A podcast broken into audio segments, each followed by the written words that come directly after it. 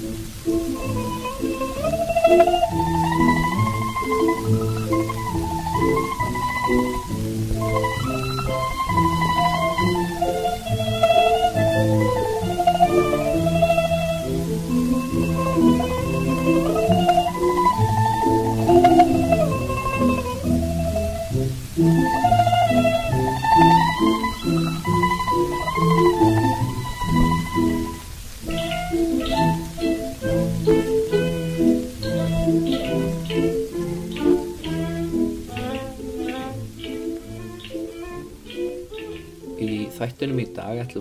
Kljást við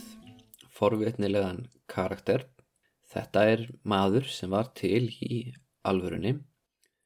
en hann hefur orðið að um, þjóðsagnakendri personu. Já, ég vil ekki bara segja reynd út, hann er orðin að góðsögn og þetta er maður sem er umdeildur en þann dag í dag. Hann er álítin af sumum eitt af þremur verstu íllmennum í sögu Japans. Hann er á listanum yfir Sandai Akunin og ég hef reyndar fjallað um einn annan á þessum lista og það er munkurinn Dokyo sem reyndi að taka völdin í Japan frá keisarættinni en tókst það ekki. Maðurinn sem umræðir er þó ekki álitinn skurkur af öllum, heldur er hann hetja í augum annara Eh, bændur á hans tíma meiri sé voru nokkur hryfnir að þessum eh, náunga og það má segja að hann sé einhverju leiti rói höttur heian tímabilsins. Maðurinn sem umræðir uh, er líka kallaður fyrsti samuræin ofta tíðum og hann á heimsmetið í því hversu langa vegalind eitt höfuð getur flóið og þrátt fyrir að hafa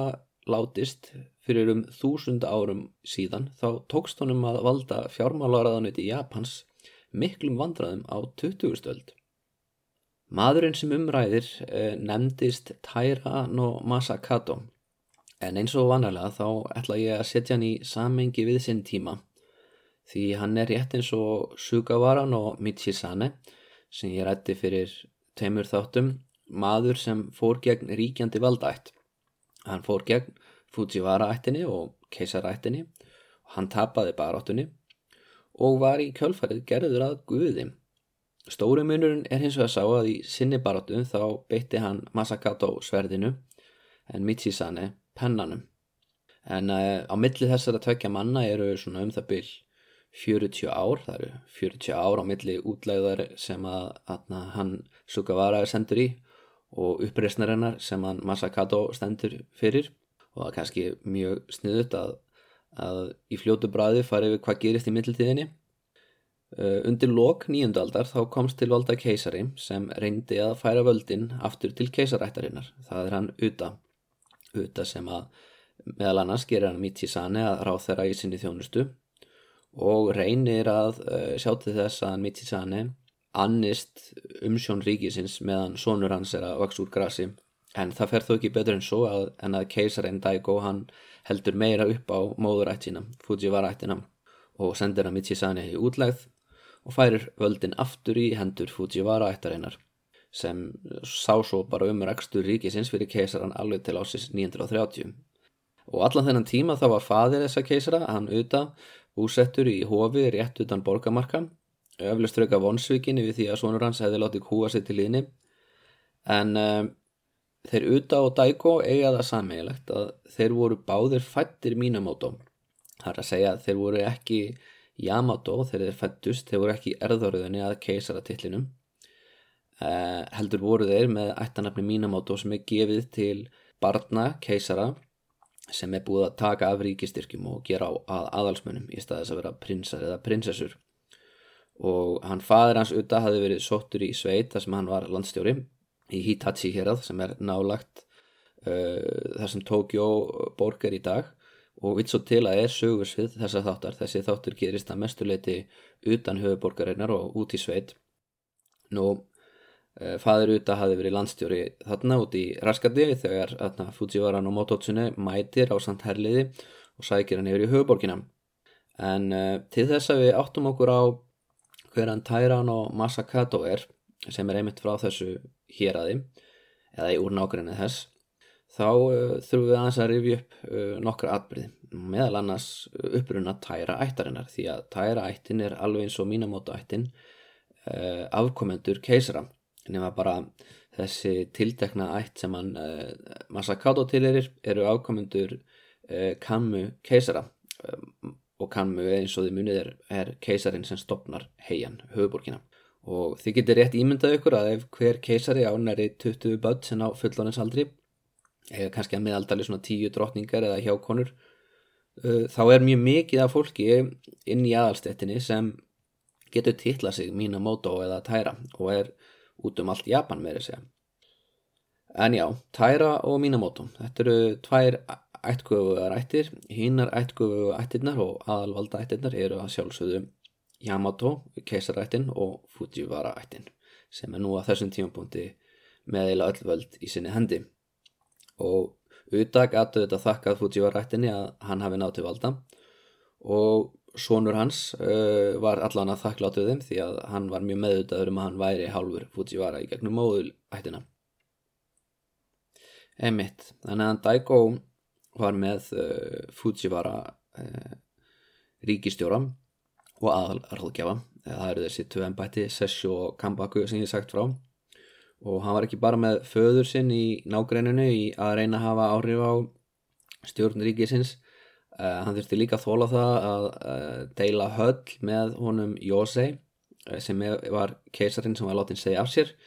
Þeir nú vandi ekki búin að gleyma honum. Það var strákurinn sem átti gælu snáka sem hann fóðuraði með froskum barði þjónustufólki sitt oft og í einu tilveki til bana sörgaði sig með því að taka glæbamenn að lífi með einn hendi og veitti til gamans uh, dátir, síka dátir sem uh, voru álitinn sendibúðar frá guðunum. Uh, og myndin sem er dregin upp á þessum fyrirhandi keisara er svo sört að mér finnst það eiginlega hálf komíst og ég er farin að halda að, að, að það sé ekki allt eins og það sínist, kannski er verið að reyna að sverta þennan dreng svo að svo að Fujiwara-ættin hafi afsökund til þess að setja einhvern annan á valdastól. Það er alltaf einhver vandraði kringum með hann Jóse því að í raun og veru að hefði Fujiwara-ættin frekar átt að velja hann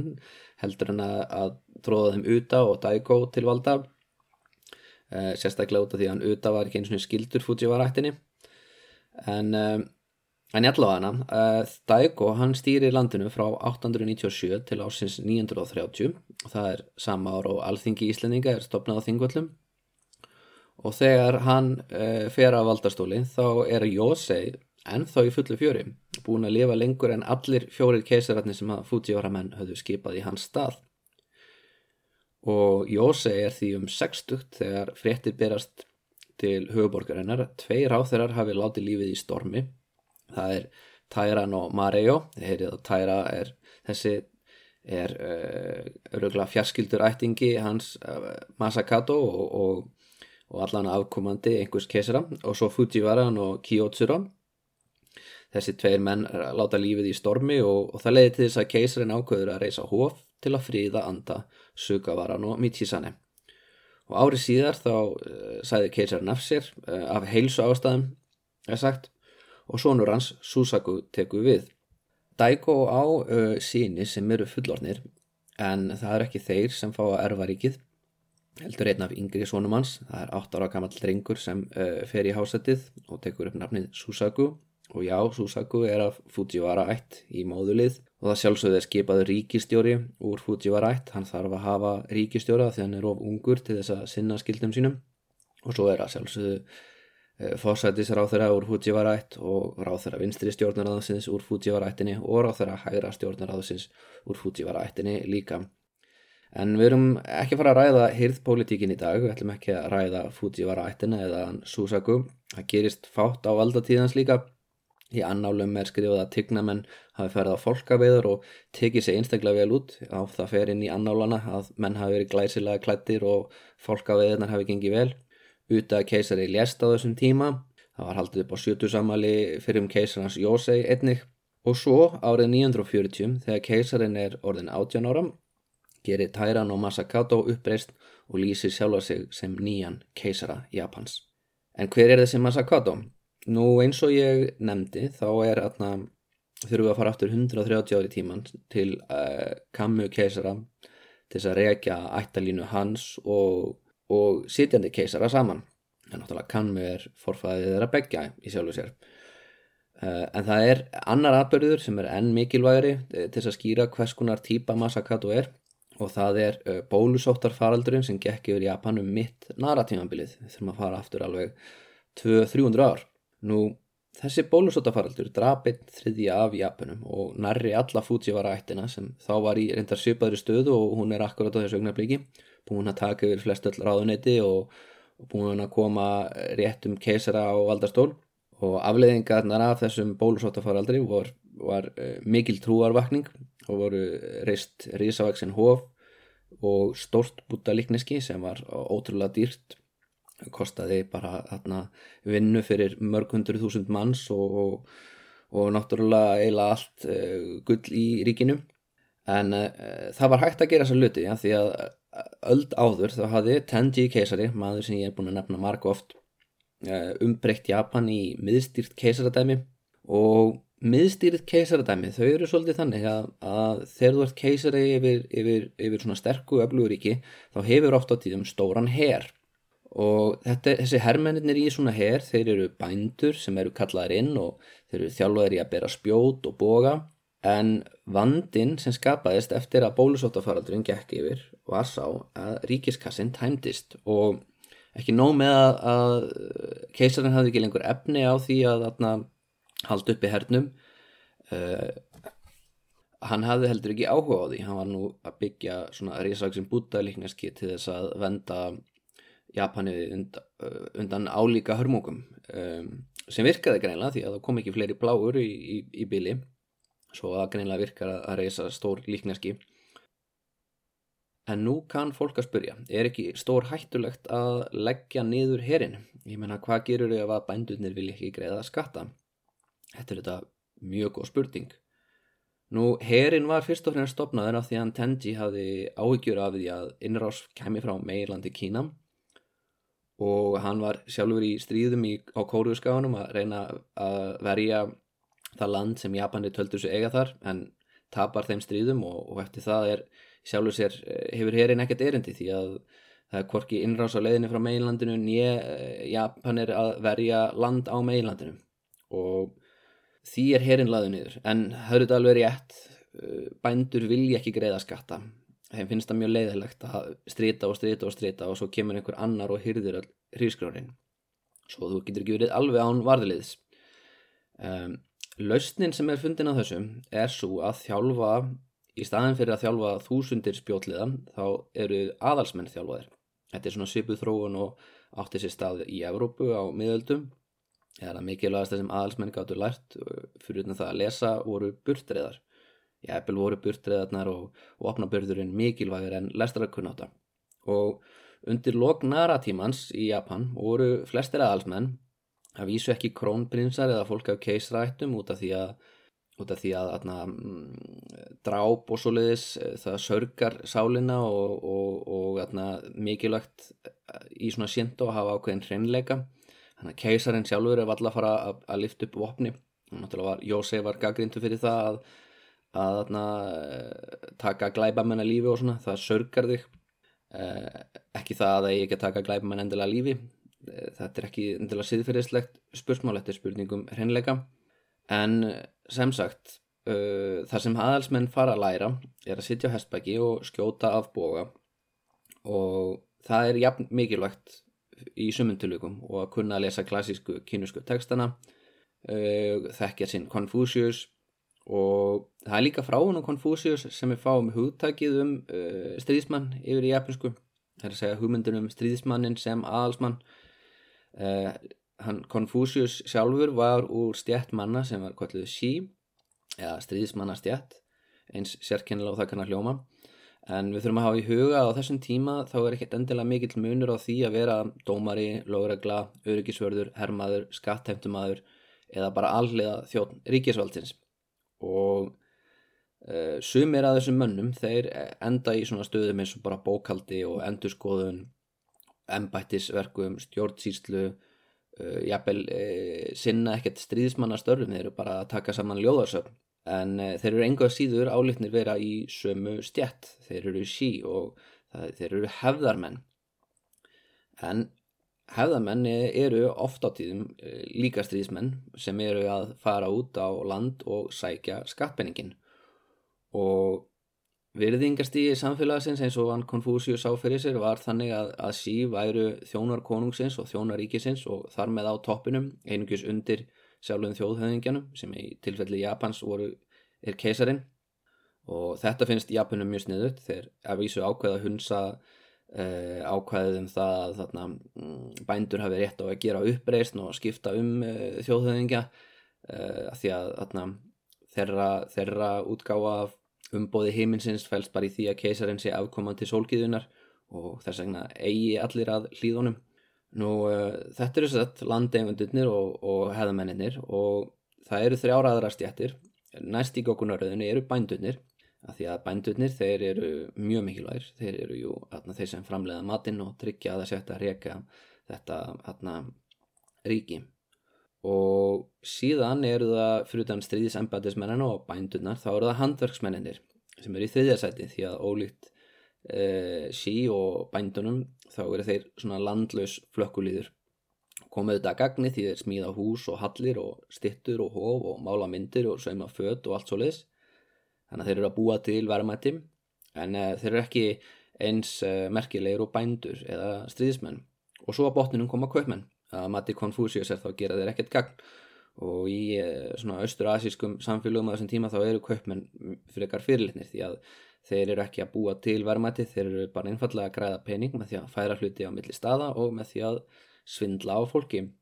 Og þetta er svona gildismatúr lénsveldi eða það ekki, þetta er þarna í, í eh, nútímanum eða nútímalögum eh, borgarsamfélögum þá eru kaupmenn öruglega svona frekar nærri toppinum og öryggisverðir frekar nálagt botninum e, í virðingastiga en aðna kaupmenn eru á þessum tíma ekki þessi máttuarstjætt sem við þekkjum í kapitalismannum en auðvitað er samt stöðu núningur. Það fór á, á, á tímabili þá, fri, sérstaklega fríðatímum þá verða kaupmenn ofta á tímum miklu ríkari heldur en heldur en stríðismenn, sérstaklega þegar þetta er kannski landlaus uh, en velmentaður stríðismæður sem er of stoltur til þess að skipta um, um, starfsemi og hann það fyrir sennilega fátt meiri í taugarnar á svona uh, samúræja af góðum ættum en, en fátakum að, að sjá kultúrlausan kaupmann lifa í velistingum en uh, á tímum Tæran og Masakato þá var slíkt freka sjálfgeft uh, Masakato var á toppi virðingastígans, sérstaklega í sinni heima sveit svo það eru sagt, þessi hlutir sem skýra hann Tæran og Masakato. Það er bólusóta faraldurinn 737 sem gerir það verkum að það er ekki lengur uh, ríkisveikin her heldur en nú hver aðalsætt með fáment en mjög vel þjálfað rittaralið. Þetta eru þarna uh, kallmenn sem uh, kunna að sitja á baki hesta og skjóta boga á, á sama tíma. Og þeir eru ódýrari í rækstri merkilegt nokk, þráttir í það að þeir lifi lífstíl sem er svona aðalsmanna lífstíl þá er ódýrar að hafa örfa og vel þjálfaða menn frekar heldur en að hafa hundruðir eða þúsundir manna með spjót. Og kannski í rauninni segja sér sjálft. Kannski, ég veit ekki hver, hver kostnaðar hlutallið er að hver aðalsmaður kosti á við 10 eða 20 bændur eða jafnvel 100 en, en þess, þessi reikningur virðist ganga upp. Og við skulum fara aftur að hann um Kammu keisara. Keisarin sem hóf þetta heian tímabil hann eh, færir höfuborgina til og verður gammal maður og fyrir að hugsa um hverja erfa ríkið og hann ræður auðvitað við e, síni sína um að þeir verða að deila völdum láta frekar fullorna bræður erfa ríkið og frekar en ung barna sinni og þau muni hvernig það fór þá voru þrýr bræður í rauð og svo gekk kerfið ekki upp lengur því að einn bróðurinn e, vildi láta són sinn erfa frekar en halvbróður sinn og, og þar með náði Fujiwara ættin völdum því að hún fór að stýra í gegnum unga börn eða, eða svona frekar einfalda keisara En uh, fyrir hann kannmu þá er þetta ekki stóra vandamálið. Uh, vandamálið sem hann hefur er það að hann er með 16 viðurkendar hjá konur og drottningar og hann á 36 börn á fullorðinsaldri. Það eru 36 uh, fullvaksta afkvæmi. Eh, ég er ekki að telja, þú veist, börnin sem að fæðast og svo kannski deyja úr einhverjum sjúkdómum sem ganga yfir og svona. þetta er mjög dýrt, já, þetta er allt prinsar eða prinsessur og lifa ákveðnum lífstíl en kannmu hann hugsa með sér að það getur verið gott fyrir uh, afkomendur sína að eiga eitthvað varlið sem þau geta treyst. Og hann tekur hluta af uh, börnum sínum og útlutaði nýjum, nýjum nafni. Hann nefnið þau Tæra og þann, þannig hætti þeirra að vera Yamato verða Tæra og þetta eru náungurnir sem sínirnir hans sem fá þennan titil. Þetta eru menn sem kunna berjast. Þeir eru kunna sitja á hestbæki kunna sveifla sverðum, kunna skjóta bógum og e, eru núna með þetta flotta ættanöfn sem uh, þó svo það merki ég að þeir get ekki erft uh, keisara ennbættið þá eru þeir samt tengdir keisara ættinni og, og þarna, eru með svona status, háðan status. Og þeir fá þarna, tæra, það er svolítið skritið hvert vegna þetta er borðið fram svona eins og þetta er borðið fram út af því að e, táknið sem þetta er skrifað með er, er lesið hei yfirleitt. Og þetta er þetta sama hei og er í borginni heian og merkir fríður og jafnvægi. Þannig að það er oft talað um heishi ættalínuna Uh, og þegar atna, síðar eru skrifaðar sögur um uh, þessa ætt þá er, er hún kallið Heike Monogatari með þessu hei en atna, tæra er allavega yfirleitt uh, samátti sem þetta tákni lesið á í þessu samengi og í lengu öðru samengi held ég. Skjaldanmerkið þessara ættar er fyririldi nánað tildekið svölu stjæls fyririldi sem er svona stór, stór og flott tegund fyririlda með allskyns litum og litbríðum en um, nú erum við búin að, að átt okkur á uppröðuninnar við vitum að hérna eru stríðsmenn þeir hafa tengingu uh, aftur í aldir við keisarættina. En það eru auðvitað búið að líða uh, ótal kynnslóðir keisarætnir Saga, Junna, Ninmyo, Montoku Seiva, Yosei, Koko, Uda, Daiko og Susaku eru búin að uh, stýra ríkinum Þannig að þið heyrið að það eru nokkar kynnslóði liðnar og það eru kominir mjög margir tæra út um allt Japan og hann tæra no Masakato er bara einn af þessum, einn af þessum aðalsmönnum sem hafa verið þjálfaðir frá fæðingu í því að berjast. Og já, þau eru, svo að hann er ákomandi prinsa sem hafa dottið af, af ríkistyrk, þurfa að vinna fyrir sér og hérna, og hvað hva á að gera við stríðismenn? nú ertu komið fullt af stríðismönnum og þú þarf einhvern veginn að halda þeim uppi líka og þú sé aðeins ódýrara en að hafa prinsa. Nú hann kannmu hafi ráðið því líka. Hann sendi á norður að berjast við Emishi fólkið og Emishi fólkið bjóða þarna í norður hluta Japans, norður hluta Honshu alveg frá því svæðið sem er Tokyo í dag, alveg norður að Hokkaido. Og við vitum ekki alveg hvers konar fólk þetta var. Um, það gæti verið að þau séu skild Jómon fólkinu. Í það minnst að lifðu þau aðeins frumstæðar í lífstíl, þau veit í skóum og lækjum í staðis að rækta hrískrjón yfirleitt. Og þetta fólk sem flakkaði á milli landaregna það átti mjög öll með að skilja þarna, af hverju þau ættu alltaf að borga keisarannum skatt og hvernig í óskupunum keisarannum uh, dætt í huga að útluta þessu landi til einhverja annara eh, land sem hann átti ekki til að byrja með þau átti að segja alveg á því heldur. Og þetta lið það passar ekki inn í þetta konfúsíska plan sem heian fólki er að setja þau í því þau eru ekki bændur, þau eru ekki handverksmenn þau eru ekki kaupmenn og ekki stríðsmenn beilinis heldur. Eða hvað, þau eru reyndar býstna mm, góði að selja sunnan fólkinu í loðfældi þannig að þau gætu fyrir uh, flokku sem kaupmenn og þau eru ekki lélegi stríðsmenn því að það er eitt sem gerist þegar þú rávar um fjöll og lifir einverðung á því sem uh, þú nærða að skjóta með bóanu þínum. Þú verður alveg ótrúlega góður í þegar stunda skæru hernað og skæru hernað við svona þunglamalett rittaralið sem kannski á e, dal botnin en, en ræður ekkert við að fara upp í fjöllin elda þig. Og það er hluti á ástæðu þess að það tók uh, þarna, það tók keisarrættina alveg mörgundur ár að, að samena honsu og, og stýra því öllum en þarna, þetta kostar auðvitað sitt en það er ódýrara en að hafa þessa prinsa heima og, og, og miklu ódýrar en að hafa svona fasta her einhvers þar í höfuborginni það er langsniðuverst að senda svona afgangs aðalsmenn norður á bóin segja þeim að koma einhverju gagni og þessi menn eru þannig hvort hetjur eða þeir dóu. Þeir sem lifa af þeir ná að, að hertaka í landsvæðu og verða kannski landstjórar á, á, og búa í svona stórum sjó en setrum. Og Já, sjóen, það er eitthvað sem ég þarf eiginlega að segja ykkur frá. Uh, og við skulum aðeins staldra við þetta hugtak því það er pínu mikilvægt. Sjóen þýðir svona í raun og veru búgarður eða aðalsettur og það er landaregn sem er í enga eigu og skattfjáls. Og nú þurfum við aftur að fara í fortíðin og rifja hvaðan Tenji keisari var að reyna að gera. Uh, í rauninu að veru þá er þessi saga svolítið mikið hinga til hvaðan Tenji tekur upp á og hvernig það misarnast.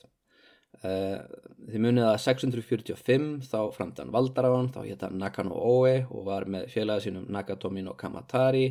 að breyta Japan úr sambandsríki yfir í að vera miðstýrt keisaradæmi. Og svo tekar hann upp nafnið Tenji og verður keisari og gefur félagið sínum uh, honum Kamatari titilin Fujiwara. Og uh, og þessi Fujiwara hjálpar honum að, að losa Japan undan Soka-ættinni sem er aðalsætt sem græðir á því að hafa konungsvaldi veikburða. En íróníska er svo að, að afkomendur hans uh, Fujiwaran og Kamatari vinna svo allir að því að gera keisaraveldið eins, eins veikburð og hægt er því að þau vilja helst að, að aðalsættinnar uh, hafi völdin en ekki keisarin En aðalsættirnar fengu ekki sínu framkengt alveg strax út af því að það sem Tenji næra að gera er að hann setur á svo, svo kallar Kochi Komin kerfi. Kochi er land í almanna eigu, Chi er lesning á táknir sem stendur fyrir jörð, Ko er bara svona almanna eign eða ríkisegn, KN er til dæmis almenningsgarður og það er þetta sama N og er í sjó N ef mér skjálfast ekki. Uh, og mér gæti skjáttlast af því að ég er ekki með þetta fyrir fram í augnablíkinum ég er bara að giska uh, öllu öldur en sem sagt Koji Komin kerfið gengur út af það að allt, allt land og allt fólk er í eigu og þjónustu keisarættarinnar. Og ef þetta hljóma pínu kommunist þá er það að því að það, þá er það bara ekkert svo óviðandi út af því að kommunismin eins og til dæmis byrtist í norðu kórum og jafnvel að einhver leiti í Kína eh, er ekki þversögn við konfúsianisma, ekki alltaf. Það gengur alveg vel upp að, að upphefja bændur eh, hvetja til hlýðinni við ríkisvaldið og fyrirlíta kaupmenn. Þetta er allt, passar alltaf inn í konfúsianisma líka. eh, en við skulum ekki samt mála upp konfúsianisman sem hugmyndafræði fyrir alvaræðisriki af því að konfúsius er svolítið eins og Jésu eða Buddha eða, eða einhver mikill heimsbyggingur annar. Uh, hann er svona típa sem segir alls konar hluti og það er tólka orðans og allskins vegu og ef ég vil raukstiða eitthvað með vísun í hann þá er ég nokkuð vissum að mér tækist á endanum ef ég, ef ég held áfram að grúska. En sannsagt uh, hugmyndin er svo að gera þetta eins og Kína þar sem allt land er í eigu keisarhans að nafni til En svo komu þetta brestir í þetta. Þið munið eftir bólusóttafaraldrinum, agrar verða vannýttir, vinnuafl hverfur og, og, og land sem var áður ræktaland verður að skógi og mýri aftur. Og þegar fólki fjölgar á ný, þá er skortur á ræktalandi, en fólkið er ekki höggva niður nýja skóa, ja, það, sorry, það er ekki að höggva niður skóa, það er ekki að ræsa burtu mýratnar og það er ekki að rækta landið eins og það gerði aður. Og Fljótlega þá áttar ríkisvaldi sig á því að það er enginn kvati til þess. Málega það að fólk sem áður átti sína landareik uh, það fekk að eiga meira en núna er það, er það landstjórin sem hyrðir allt og síðan útlutur hann uh, aftur tilbaka og, og það þýðir að þú hefur enga sérstaklega ástæði til þess að höggva niður tré og, og, og atna, byggja stíplu eða eitthvað og, og búa til nýjan akur og rækta meira. En það samt er að myndast hungusnið og þá neyðist keisarin til þess að gera eins og Gorbachev síðar gerir og bóða einhvers konar perestrojka þetta eru mjög þetta eru mjög óviðegandi líkingar því að þetta er kannski ekki alveg, uh, alveg sambarilegt en, en hugmyndin er samt svo að, að, að þó svo að það sé ekki búið að finna upp hugtak eins og þarna uh, hugtak eins og kapitalism eða eitthvað svo leiðis þá er, er í rauninni hugmyndin svo að virkja markasöflin á ný. Það er að segja, nú má fólk sækja um að fá að eiga land. Og getur jafnvel sótt um að fá að eiga land sem afiðin ræktað áður og hugmyndin er svo að ef að fólk fara að eiga landið sitt þá er það kannski smá kvati í það að það höggvi niður tré og stækki landareik sína og fái meira í, í vasan En uh, þessi nýjung gerir ekki raskat fyrir bændurna sem búið í sveit út af því að þeir kunni ekki að lesa. Þeir sem græða þessu eru aðalsættinnar eins og Tachibana, Otomo og Fujiwara. Þau sjá að það eru komið ný lög að þau atna, ræsa því bændurna sem eru í sinni þjónustu við það að fara út og höggva niður tré. Þeir byrja að atna, stækka landið og þeir byrja að semjum alls konar fríðindi og ekki bara aðalsættirnar reyna þetta Sjentohof og Bútískof þau eru mjög duglega að eigna sér land og, og síðan gera samkómulag um það að þau fái skattfrelsi og ég menna eh, það er mjög öðvelt fyrir, fyrir munkana að, að raukstiða það því að það væri, þú verður alltaf að fara að rukka klöstur eða hóf eða einhvern guðum skatt eða hvað. Nú, þetta hefur bæði góð og slæm áhrif. Eh, það grefur undan ríkisvaldinu og það ítur undir óstöðuleika og við erum að fara að kynast þessum óstöðuleika eftir smá þegar einn uppreist hefst. En þetta eigur líka framleiðni því að nú er verið að rækta meiri matvæli meira land er ræktað og það eru fleiri sem verða ríkir. Og þeir síðustur sem reyna að endur þessa Kochi komin kerfið uh, eru Sugawaran og Michisane og Uta keisari. Og því að þetta eru menn sem trú á stert ríkisvöld og vilja dragur mætti aðalsættina en það endar auðvitað þannig að auðvitað er einangraður í hófinu og hann Sugawara hann endar í krummaskuðinu Daisafu þar sem hann er að yrkja um blómitrija og það er staðan árið 940 í Japan þegar Tairan og Masakato hefur uppreist sína. Það eru margi bændur sem heyra ennþá beint undir ríkið og er að greiða sin skatt en fleiri og fleiri er að flýja yfir í sjóen til að vinna í þjónustu aðalsætta og komast þannig upp með að greiða aðeins minniskatt í rauninni Eh, gerast leiguliðar, borga leigu fyrir að eh, vinna á jörð sem er í eigu tæra ættarinnar eða Fujiwara ættarinnar en eru samt uh, að koma betur út af því en ef þau byggja á landi sem heyrði beint undir kesaran. Nú, uh, ættarhöfuðin er að sjálfsögðu öll í höfuborginni og þau fá rentuna til sín að það þurfa að hafa nett við því. Uh, þeir sem eru að sækja rentuna eru atna, nýstjættmanna, það eru þessi samúræjar af, af, af sí eða bushi eins og þeir munu síður að kalla þær uh, orðið yfir samuræja kemur á sögninni saburau sem merkir að þjóna það er hugmyndin, þetta eru svona milliliðir millibænda og efstalagsins af aristokrasíunum menn sem eru af ofgóðum ættum til að vinna á ökrónum en ekki nógu góðan ættum til að vera í embætti við hyrðina og njóta góðs af rentunni þau þurfa að fara þarna út og sækja hana en svo kemur stóra spurningin er góð hugmynd að hafa svona milliliði? Er það góð hugmynd að þjálfa svona menni í vopnaburði, leifa þeim að byggja upp virki og varnagarða uh, og, og, og senda það út? Menn eins og Tæran og Masakato eru sennilega ekki mjög auðmjúkir í anda en það vita þeir sjálfur að þeir eru af keisaralegum ættum svona langt aftur í tíman og það er bara svolítið happ og glapp eh, hver er á valdarstólum. Ég meina það eru aðna með þess að dæmi um það að einhverjir mínamótomenn sem voru út í sveit voru sóttir af Fujiwara-ættinu og settir á valdastólinn bara því að keisarinn var ekki að haga sér rétt. Við vitum ekki mikið um æsku hans Tairano Masakato. Uh, Fæður hans hétt Tairano Yoshimasa og hafði á tímabili titilinn Shinjufu Shogun. Já, Shogun er svona eins og samuræi, orð sem að flestir kannast við og besta þýðingin á því er sennilega eitthvað eins og hessöðingi Chinjufu Shogun var ekki aðstimaður heraflans á svæðinu en þetta var svona hátsett staða sem gaf til kynna að væri í, í her í þjónustu keisarans að einhverju leiti hann ætlaði með umbóð frá keisarnum hann megi verið að núti og, og fara í stríð og svona. Og mjög margir þarna eru með alls konar titla og, og eru formlega að vinna fyrir hyrðina þó svo þeir séu bara að gera það sem þeir sýnist í raun og verum. Nú MSI fólkið er þarna ennþá. Það er ekki reyðbúð að lúta keisaranum og er í 200 ár búin að vera að berjast fyrir Eh, sjálfstæði sínu má segja. Eða kannski bara berjast fyrir því að, að þurfu ekki að borga skatta sennilega hefur Tæran og Masakato ekki þurft að díla við þessa norður villimenn barbara sem var láni gríst orð. Uh, hans sjóen var í miðju kantósæðinu á því svæðið sem núna eru borgirnar Tokyo og Chiba og Yokohama. Þetta er Eh, svæði sem er í dag með 37 miljónir íbúa eh, langstærsta borgarbyggð í heimi en er á þessum tíma bara sveit en það er samt mikilvægt að áttum okkur á því að þetta er svolítið sérstök sveit sko Fram til þessa hefur eil allt pólitist vald í Japan verið samþjappað í kringum Kansai-svæðið, þar sem borginnar Osaka og Kyoto er í dag. Og það er næst mesta borgarbyggð innan Japans, alveg búa 20 miljóna þar líka. En samt bara, þú veist, ekkert ávið Tókjó sko. Uh, en af hverju var, var pólitiska valdið statt í Kansai? Nú, uh, þessi þunga með er þarna út af því að þetta er fjölmennastar svæðið. Uh, Yamato konungsættin sem var síðara kesarættinni styrði því og það, þeir eru sennilega ákomendu fólk sem kemur þarna fyrst í Kyushu.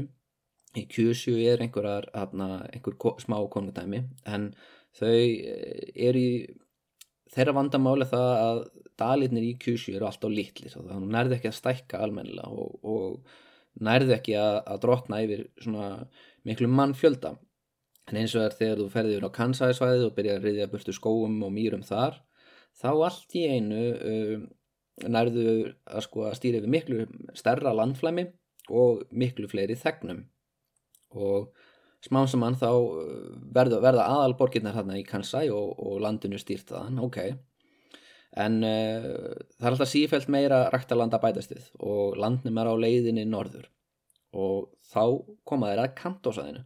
og málið það að kantósæðið er stærsta flatlendið uh, í Japan. Þetta eru, eru þessi tvö stóru flatlendi sem eru á mjög svona fjöllóttri fjöllóttum eigaklasa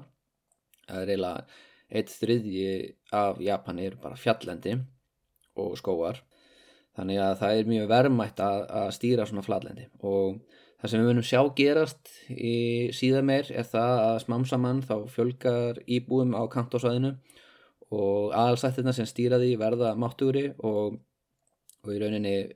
byrja að, að, já, að, að færa pólitísku þungamiðuna norður á bóin en En á þessum tímabúndi þá er atna, bara fullt af, já það er yngar borgir atna, á kantósaðinu, þetta er bara sveit og, og þess vegna eru aðalsmenninni það er ekki jafn, valdamiklir og aðalsmenninni í Kansai sem hafa, hafa meiri auðæfi og, og meira fólk. Nú, hann Masakato, hann eh, heimsótti höfuborgina einhver tíman á æfisinni. Hann virðist hafa farið til hýrðarinnar á úlingsárum sínum allan að kemur það fram í brefi sem hann sendir hýrðinni og hefur varðist en um, hann sem sagt var öllum líkjendum í keisararlega lífvarðaliðinu og það bendi til þess að hann hafi verið alveg framúsgarandi stríðsmaður. Og það var álítið lengi vel að sko að tæra vegna tengsleisinu við keisarættinu þá væri þau sérstaklega svona uh, tröstverðu sko. Þó svo það er síðar eftir að koma í ljósa það svo sé alls ekki þá, þá þá leit uh, keisarættin oft svo á að það var nú gott að hafa frændfólk sitt í vinnu hjá sér sem lífarðalið en uh, síðan snýr hann Masakato aftur í sveitina og það er mjög líklega út af því að fæður hans er látin og hann á að taka við uh, reksturinu á þessu sjóen sinna landaregnum sínum og nota vopnavald til þess að abla ríkinu skatt tekjur en fyrir svona menn, hvað er leiðin fram á við? Hvað ef þú hefur smá metnað? Þessi menn uh, sem eru átt í norðurinu, þeir eru stöðugt í nágrannæri. Uh, Masakato og, og aðrir af Tæra og Minamoto ættinni sem eiga landræknir þarna eru alltaf að í, í stríði við hvort annan. En sem er rosa skrítið því að, að þau öll uh, formlega séð lúta keisrættinni sumir með einhverja titla sem keisarinn hefur útlutað þeim og keisarahyrðin er ekkert að skipta sér að því þótt þessu að berja hvort annan. Eh, hlutavastunni þessu og þetta er geðað langt í börtu það er bara vesen að vera að senda einhvað að líða þarna út til þess að koma á friði. Í öðru lagi eru skattpenningarnir að skila sér. Þannig að hvað er eitthvað sjálf sér ekkit mikið vandamál þar á ferð. Og í þriðja lagi þá er ósað gott að þeir sé að berja hvern annan því að svo lengi sem þeir eru að berjast hvort við aðan þá eru þeir ekki að saminast og beina uh, bógum sínum eða sverðum sínum og spjótum sínum í átta höfuborginni því að elitan í höfuborginni er ekki alveg svo villus hún veit alveg, hún er meðvituð um að það er áhætta sem fælst í því að þjálfa þessa menn í vopnabjörði fela þeim umsjón með stórum landaregnum uh, fyrir það síðar þá fær einhver þá flugu í hausin að, að kannski ætti hann bara að vera sjálfstæður sem er nákvæmlega það sem gerist. Nú ástæðunar sem að þessi stríðsmenn finna sér til að berjast hverju annan að hafa yfirleitt eitthvað að gera með heiður. Einhver er að móðgast yfir einhverju og getur leitt sér að fara yfir með herlið á svæði nákvæmna síns til að verja heiður sinn. En þetta snýst yfirleitt ekki um heiður eða stolt, þetta snýst yfirleitt um það að fá starri landaregn og, og þetta er í rauninni þannig að það veit ekki nákvæmlega hvað línan er dregin, þetta er svona pínu svona uh, þú veist, þetta er nýtt land. Þeir eru búin að riðja nýtt land og, og, og hver á hvað það er bara ekki alveg ljóst því miður þá vantar fyrir hlutan úr æfisögu hans Masakato. Uh, rítið sjómongi var skrifað um hann uh, það samtíma heimilt sannilega en hefur einungis varðvest að hluta til og sagan byrjar í meðjum barda. Og í raun og veru þá er uh, kannski bara eins gott að spóla yfir jafnvel miðpartin í sjómangi út af því að við græðum ekkert á því að vita um alla þessa atna, menn sem hann er að berjast við í raun og veru. Um, það sem er ábyrjandi það að hann er að fara í margar orustur oft er hann með fámennaralið og oft á tíðum þá vinnur hann glæsta sigra sem bendir til þess að sé mjög góður í sínu fæi og þarna Hann rústar nefnilega nákvæmlega sínum svo illilega að þeir klagan til hyrðarinnar og þeir byggjum að fá dótið sér tilbaka. Þeir eru rauninni bara að segja, að, þú veist, ég eftir jafnvel bardaða sem þeir sjálfur byrja og, og þeir eh, saminast gegn húnna Masakato greinu en, en atna, og það leiðir einmitt til þess að Masakato skrifa sjálfur bríða til hyrðarinnar og byggðist afsökunar á þessum ólátum og svo minnir hann á það að hann hafi nú verið við hyrðina í þjónustu keisarans og sér digur þagnans og allt það. Og Masakato er að berjast við frændfólk sitt oft á tíðum, föðubróður sinn Yoshikane og frændsískinni sín úr annari hlið ættareinar og uh, það á sér ímsa skýringar, meðal annars þá eru sumir að þessum mannum búinir að gifta sig inn í Minamoto ættina eða eru Minamoto í móðulegg og þar að leiðandi anstæðingar Masakato sem er uh, algjörlega tæra. Uh, en svo er það líka bara það að erðamálu eru flókin, kannski vil föðubróðir hans Masakato meina að þegar þeir bræðurnir hafi skipt upp landinu þá hafi hann fengið ekki það sem hann verðskuldaði. En allan Masakato sigrar til dæmis hann Yoshikane, föðubróður sinn. Hann tekur hann en hann tekur hann ekki að lífið eitthvað svoleiðis og það er ekki út af því að þeir eru skildmenni Masakato hefur oft drepið frændu sína en það er út af því að Yoshikane er fulltrúi hirðarinnar, hann er skipaður landstjóri á svæðinu og Masakato veit að ef hann heggur höfuðið af embætismanni þá er hann orðin útlægi þannig að í staðan fyrir þá býður hann frænda sínum bara að greiða lausnagjaldi sitt með því að gefa sér smá land. En velgengnin hún á endanum er í svonum til höfus að því að hann fer að sapna þessi liði uh, útlögum frá öðrum hýrðum það eru menn sem hafa brotið lög annar staðar og verið dæmdir af keisaránum en Masakato hann sér í þessum mönnum uh, hann sér möguleika. Þetta eru góði eftirlýsmenn og hugrakir og, og eina íróni í þessu það, það er meiri sér að einna mönnunum sem hann tekur á móti er uh, fyrir um anstæðingur hans. Það er landstjóri sem Masakato hafði átt í erjum við áður ekki frændi hans Yoshikane heldur annar landstjóri. Og af því að ég er búin að ákveða að ég ætla ekki að, að, að fara yfir Eh, allar þessar flækur þá, þá, þá látið þetta bara duga. En á endanum þá gengur Masakato oflant, hann er búin að taka við of mikið á útlögum. Og hann er líka komið of stóran herr og hann er komið of mikið land. Og Fujiwara ráþærarnir sem er að fara með vald keisarnas, þeir komast að þeir í neyðustöðu að Masakato væri bara komin í flokk með þessum útlögum svo hvað gerir Tæran og Masakato í því? Hann er orðin formlega sér útlægi en hann er ennþá með stort land og mikið herlið Hann gerir það sem hann er bestur í, hann fer í stríð og í þetta sinn þá lýsir hann stríði á hendur uh, ríkistjórninni sjálfri. Hann lýsir því yfir að kantósvæðið sé nú sjálfstætt ríki og hann sé Shin-O. Þetta er að sjálfsögðu tvö kynversk ták. Shin merkir nýr, O er konungur og þetta er sama táknuð og er í orðinu Tenno sem merkir keisari eða himna konungur, himneski konungurinn. Nú hann, aðna Masakato segir ég er nýji keisarin, ég er keisarin af Kanto. Og þessi uppreist var skamlýf uh, ógnvægjandi hugsanlega. Og það hrykti á þarna, í stóðum ríkisins á þessum tíma því að á sama tíma var landstjóri á Fujiwara ættum uh, með uppreist á eiginu Shikoku það er önnur löng saga sem ég ætla ekki að fara út í en það er uppreistin sem faktist endist lengur út af því að þar blandast sjóhernaður inn í málið og það er miklu floknar aðstandi í sjóorustum og reyna handsama uppreisnamenn svona sjóraningja en við skulum fókusa á hann Masakato. Árið 940 er hann sigraður eftir einungis 59 daga sem keisari. Það er frendans Tairan og Satamori sem sigrar hann. Með diggri aðstóð Fujiwaran og Hitesato og Satamori átti reyndar harma hefna því að Masakato hafi tekið föður hans að lífi stuttu áður. Uh, já, Hitesato og Satamori eru bara menn úr sviparist í ettuðan Masakato þetta eru um, aðalsmenn sem eru ekki við hyrðina en hafa verið þjálfaður í vopnaburði frá uh, bernsku og eru öruglega mjög góðir í því sérstaklega hann Hitesato, ég kem að því síðar. En herlið Satamori og Hitesato var fjölmennur að liðast Masakato en enga síður af því að Masakato er bara svo drullu góður í sínu fæi þá leitt fyrst út fyrir það að hann myndi sigra þá. Sem segir sitt sko, getur hans. Meina, það kemur fjölmennar að lið að honum og kemur þessi aftan að honum. Og Masakato nær uh, með sínu letu á hæfileikum og kannski bara hreinlega bara sínum hæfileikum í því að sitja á hestbaki og berja fólk. Uh, þá, þá tekstunum að snúa barndanum sér í hag. Og hann hefði unnið ef vindáttin hefði ekki breyst en um leið og vindáttin breytist þá aðna kemur sterkur vindu beint í flasið á honum þá e, ná bókskiptunar í liði Masakato ekki að skjóta eins vel í áttina að Hitesato og þeim. Og Hitesato er með meðvind, meðbyr og er sjálfur fræg bókskipta.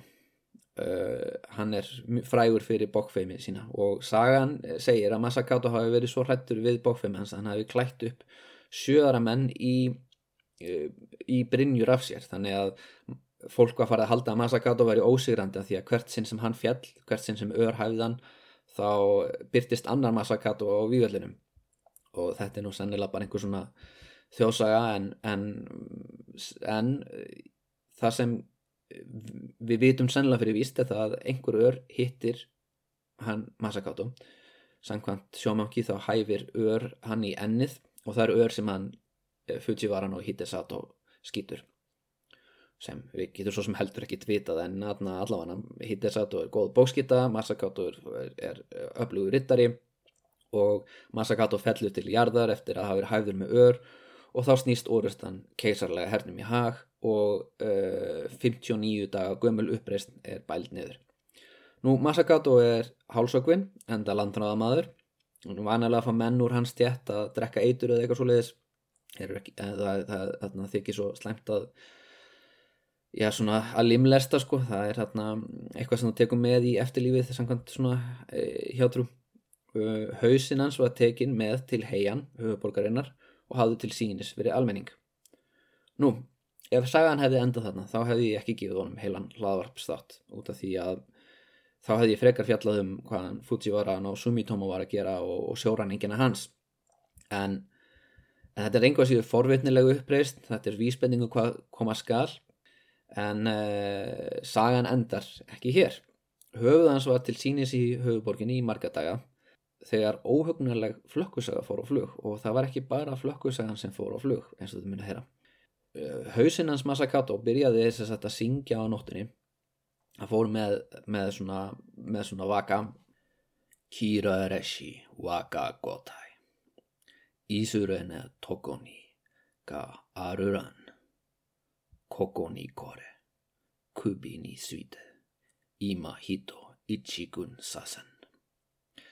Já, þetta er að ljóðið sem hann Masakato fór með.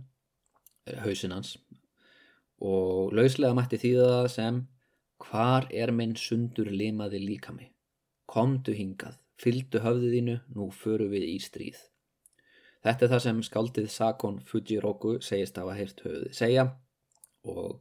sagan er svo að höfðið hafi farið með þessa þölu aftur og aftur hvað er líkaminn, hvað er líkaminn, ég verði að fara í stríð. Og svo hafi kvitt ljós byrst á himnum, þrjumur og eldingar, jörðin skalf og hausinn flög af stað. Flög frá borginni heian eða Kyoto eins og hún heitir í dag og heim í Kanto að leita líkamma sínum á výgullinum þar sem nú er borgin Tokjó og í dag þá tekur flug mellir Kyoto og Tokjó um það byrj eina klukkustund og 5 mínútur. Þetta eru cirka 500 kílometrar en það fylgir ekki sögunni hversu lengi hausinans Masakato flög. Sagan segir hins vegar að höfuð hafi lendt í Otemachi, það er reyndar eh, munkur sem uh, skýtur uh, það niður með boga og ör og þá lendir höfuðið þarna. En það kvílir sér satt í Otemachi, eina af hverfum Tókjó og ástað sem heitir Kubisuka eða Kubitsuka og það merkir bókstaflega höfuð gröfin, gravreitur höfuðsins. Og að sjálfsögðu var reist hóf til að friða sálinans út af því að þetta er mögulega fyrirbyggjandi aðgjart til að koma í vekk fyrir að draugur hans fara að ásækja Hidesato og Satamori og ákomundu þeirra svo ekki sem minnst á keisara fjölskytuna eða Fujiwara ættina en uh, það er líka hugsalegt að þetta hafi verið sjálfsbrottin aðgerð bændana í hýraðinum eins og ég er búin að vera að margitrykka í þessum þætti. Þetta er þáttur sem fjallar ekki bara um hvað stríðsmenn eru þetta eru þáttur sem uh, fjallar um skattapólisíu hérna, á heiantíma minn. Og þá starrenda flesti bændur vildu frekar vinna á sjóen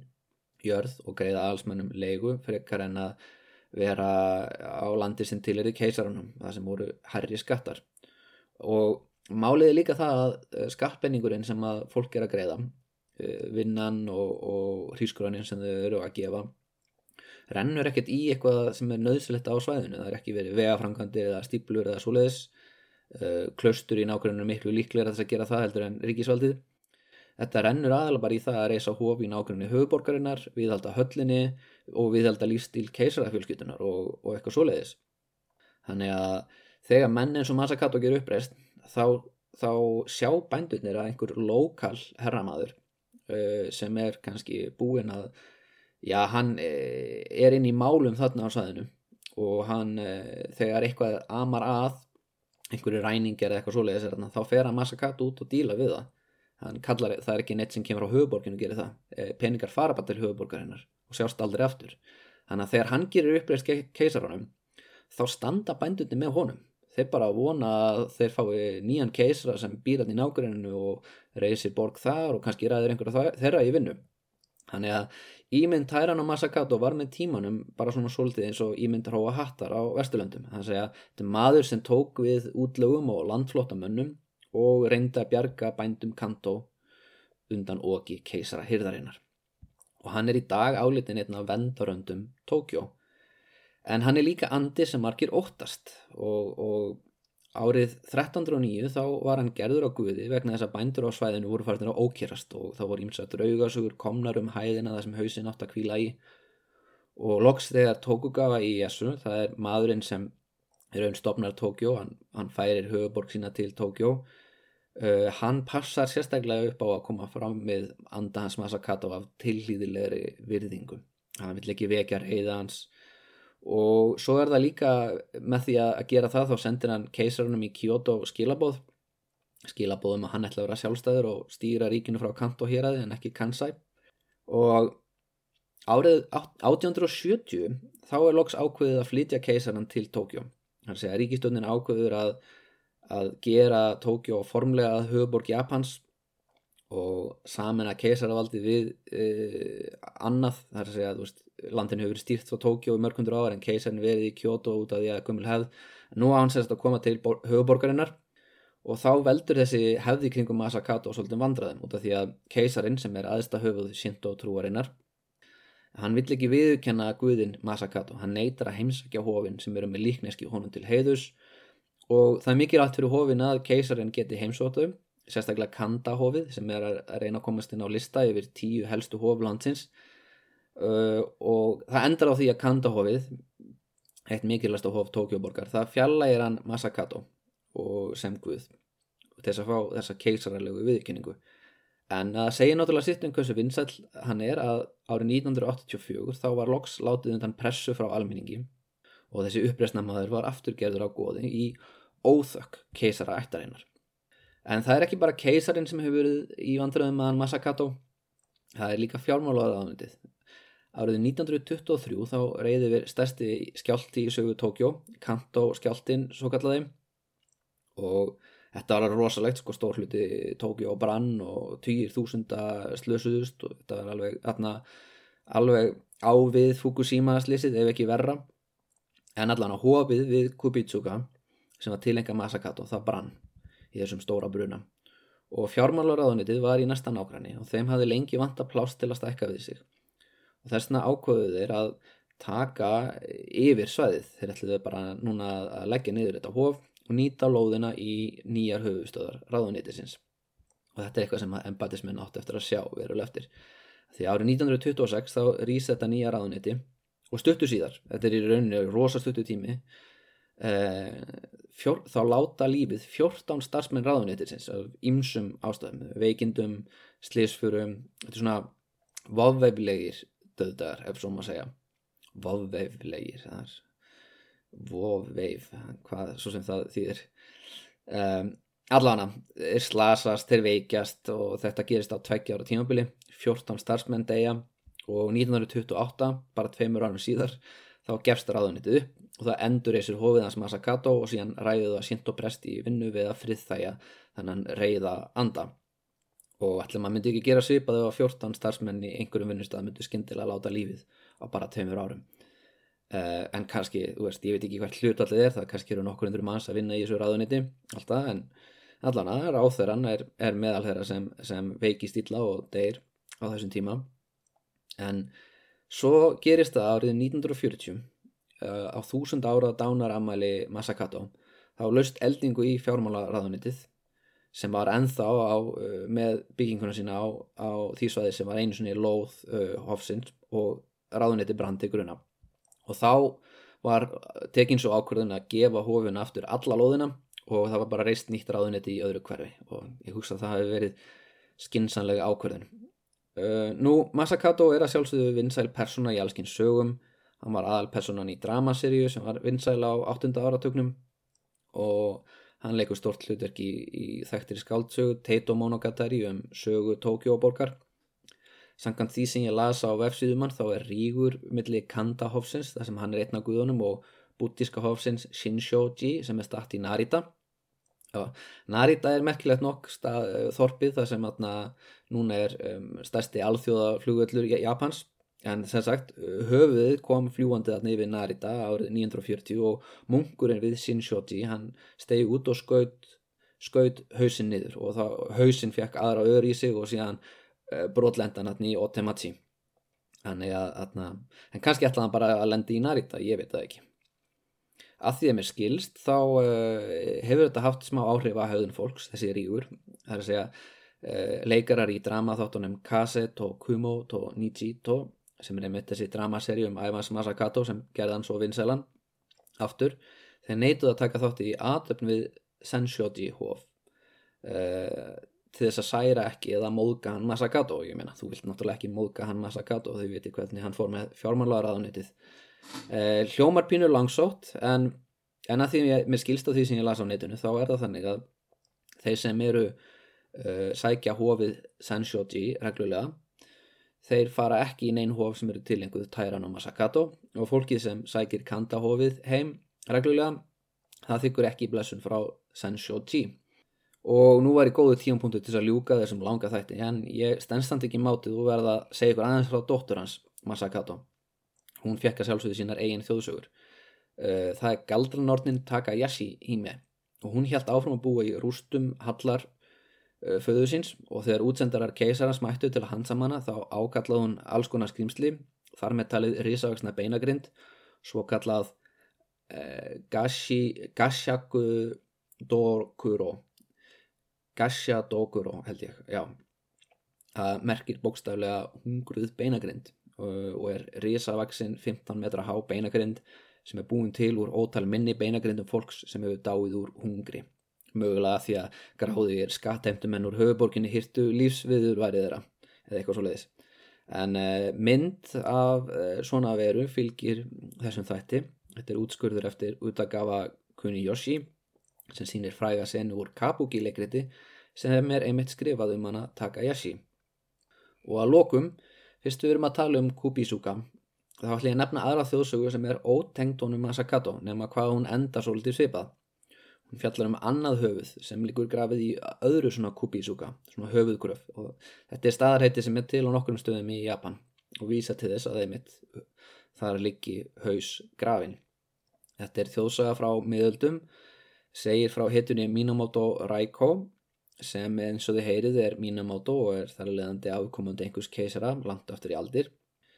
En hann Minamoto þessi var hermaður í þjónustu Fujiwara ættarinnar á tímum Ichijo keisara. Þetta gerist um það byrj 40 árum eftir uppreysnin hans Masakato og á þessum tíma var Oni, Oni er svona einhvers konar púki eða djöfull, uh, ég ætla að þýða þetta sem tröllkall í þessar útgáfum og svo það sé kannski ekki beinlinis uh, uh, rétt lýsing, þetta eru ofta á tíðum risavaksnir menn með járnkilfur þeir eru klættir í lendaskílur úr tíkristýraskinni og þeir eru oft bláir eða appilsýnugulir eða grænir á litin með stórar vítennur og sem sagt þessi óni eða tröllkall er að ángra íbúa heian. Hann býr við Óefjall norðvestan megin við höfuborgina og er stöðut að ræna og rupla ungum konum og geta þær e, lætu þær samt gera, vinna smá heimlisverk fyrst hann er alltaf að ræna þótt á konum og láta þær hana, e, þó þóttin sinn og síðan getuna þær. Svona, þú veist, slá tvær flugur í einu höggi. En e, árið 995 þetta er svona þjóðsaga sem er með ártali ártali fylgji með þá rænir hann þóttakonum og það verður til þess að Minamoto og Raiko og, og þrýr ferðarfélagar hans fara á eftir honum. Þessir ferðarfélagar hans eru líka nafngreindir og þeir eru með þess að nokkur með uh, fræg sverð og svona en ég ætla ekki að fara út í öll smáatriði. Uh, þess að þeir gera á leiðinni þá stoppa þeir í fjórum hófum þeir byggja til guðana sem eru þar og svo rekast þeir stuttur síðar á fjóra gamla menn sem eru rauninni þessir guðir í dulargerfi en við vitum það ekki en þá en þessir fjórir gamlu menn þeir ráleggja þeim að dulbúa sig sem presta og stríðismennir fari í prestabúninga og rekast stuttur síðar á höfustöðar tröllana þar sem tröllkallin býr á samt nokkrum öðrum ónýjum og þá ofinberað er að þeir hafi flutt yfir í Óæfjall út af því að einu sinni bygguðu norðaustamein við borgina en eftir að Enraku uh, klaustrið var reist þá uh, var þeim ekki lengur vært þar. Eh, vanalega í japanskri hjátrú þá er norðausturáttin átt ógæfunar og púkana. Og það er ofta reynd að fyrirbyggja þarna eh, með því að annarkvort loka leiðinni eða hafa einhver vendatak þar og í svona borgarskipalagi þá eru ofta tíðum hóf haft norðaustan megin við borgina til þess að verja fyrir svona fyrir íllum öndum. En allavega eh, það var reist hóf í norðaustan megin við heian og það veldur því að allir púkarnir og dáratnir og tröllin þau flytja yfir í fjallið norðvestan með við og byrja að angra fólki þar og tröllakonungurinn hann býður þeim inn og hann segist heita Shuten Doji. Og það mætti þýða það sem gaurinn sem elskar að drekka sake. Og það er einmitt það sem hann fer að gera, hann fer að drekka sake og, og leiðin sem að Minamoto og Raiko fer er að hann gefur tröllinu sífælt meira að drekka. Og drekkur ekkert sjálfur, réttur um alltaf sinn bolla og endanum þá sopnar þessi tröllakongur og hann er ekki trættur við þessa menn sem eru að drekka með honum að því þeir eru prestar og prestar þeir gera nú ekki flugum einn. En að sjálfsögðu reynast þetta að vera samúrægir í dölbúningi og þeir taka fram sverðin sín, stökkva á hann og höggva í sundur. Og þá gerist það að höfuð heldur áfram á hoppum og það ræðist á mínamótón og ræk og reynir að býta hausinu þess af. Og Ræko er búin að sjá hugið þessum og er með tvo hjálma á hausnum. Þannig að, að, töttkallin næri ekki að býta á honum höfuðið þó svo hausinn sé enþá að sprikla og svona. En að lókum þá snúða þær aftur í borgina með þvóttakonuna með sér og hún lýsi fyrir þeim að þessir onýjar hafi stöðutur að ræna stúlkum mér í kring og endaði á því að drekka blóðið þeirra og svona uh, og, og svona aðra óhugulega hluti. En Eh, Minamoton og Raiko réttilega átt að segja á því að hann getur ekki tekið hausin með sér inn í borgina að því að hann myndi taka ógjafina inn í heian svo þeir ákveða að grafa höfuðið á vegamótum og þar verður til staðurinn Kubisuka og, og endanum lítið hóf e, lítið hóf sem er tilengað Kubisuka Daimyo-chin því að e, höfuðið breytist að sjálfsögðu yfir í Guð. E, andin Eh, ávíst að hafa yðrast á síðustu augnablikum æfisinnar og ákveðið að, að beita kröftun sín með að hjálpa fólki í staðan fyrir að, að staðan fyrir að ángraða og núna er hægt að fara ángað eh, það með þessi að haldin Shuten Doji hátíð. Og þú getur farið ángað og beðið fyrir góðri helsu þetta er sérstaklega gott að til þess að losna við höfuverki en að þetta hof er svona á lista oft yfir uh, óhugnarlegustu staði í Japan. Þetta þykir svolítið óhugnarlegt hof og það er eins að draugarsögur um það. Og uh, Shuten Doji þessi karakter er uh, það er margt í gangi með hann. Hann er í einni útgáfa á sögunni þá er þá fæðist hann upp úr ræginu á snáknum Yamaton og Orochi sem stormaguðin Susanoo sigraði á sínum tíma og þið getur hlustað á þá sögu í þættinum Sverðið, speilin og eðalsteitin sem ég uh, gerði fyrir nokkuru síðan. En núna segi ég þetta gott í bylli við erum atna, búin að ræða sögunum fyrsta samúræðan fyrsta stríðsmannin sem reyndi að stýra Japan í eiginnafni en ekki atna, já þetta var fyrsta sinn sem stríðsmaður reynir að taka pólitísk völd en ekki einhver atna, aðalsmaður við hyrðina og við erum að sjálfsögðu búin að læra það að við skulum alls ekki hrópla við kubísúka hausa gravreitum að óþörfum og í næsta þætti þá snúum við aftur í höfuborgina og við heyrum meira um ljóðskaldinu þar Það er enþá hundraða ár í að samúræðinir fá að láta ljósitt skína og nú blómstrar bláregn Fujiwara ættarinnar. Þetta var nokkuð gott í mér. Bláregn, það er svona sennilega besta þýðingin á Visterio. Nú blómstrar bláregn Fujiwara ættarinnar. Takk fyrir hlust.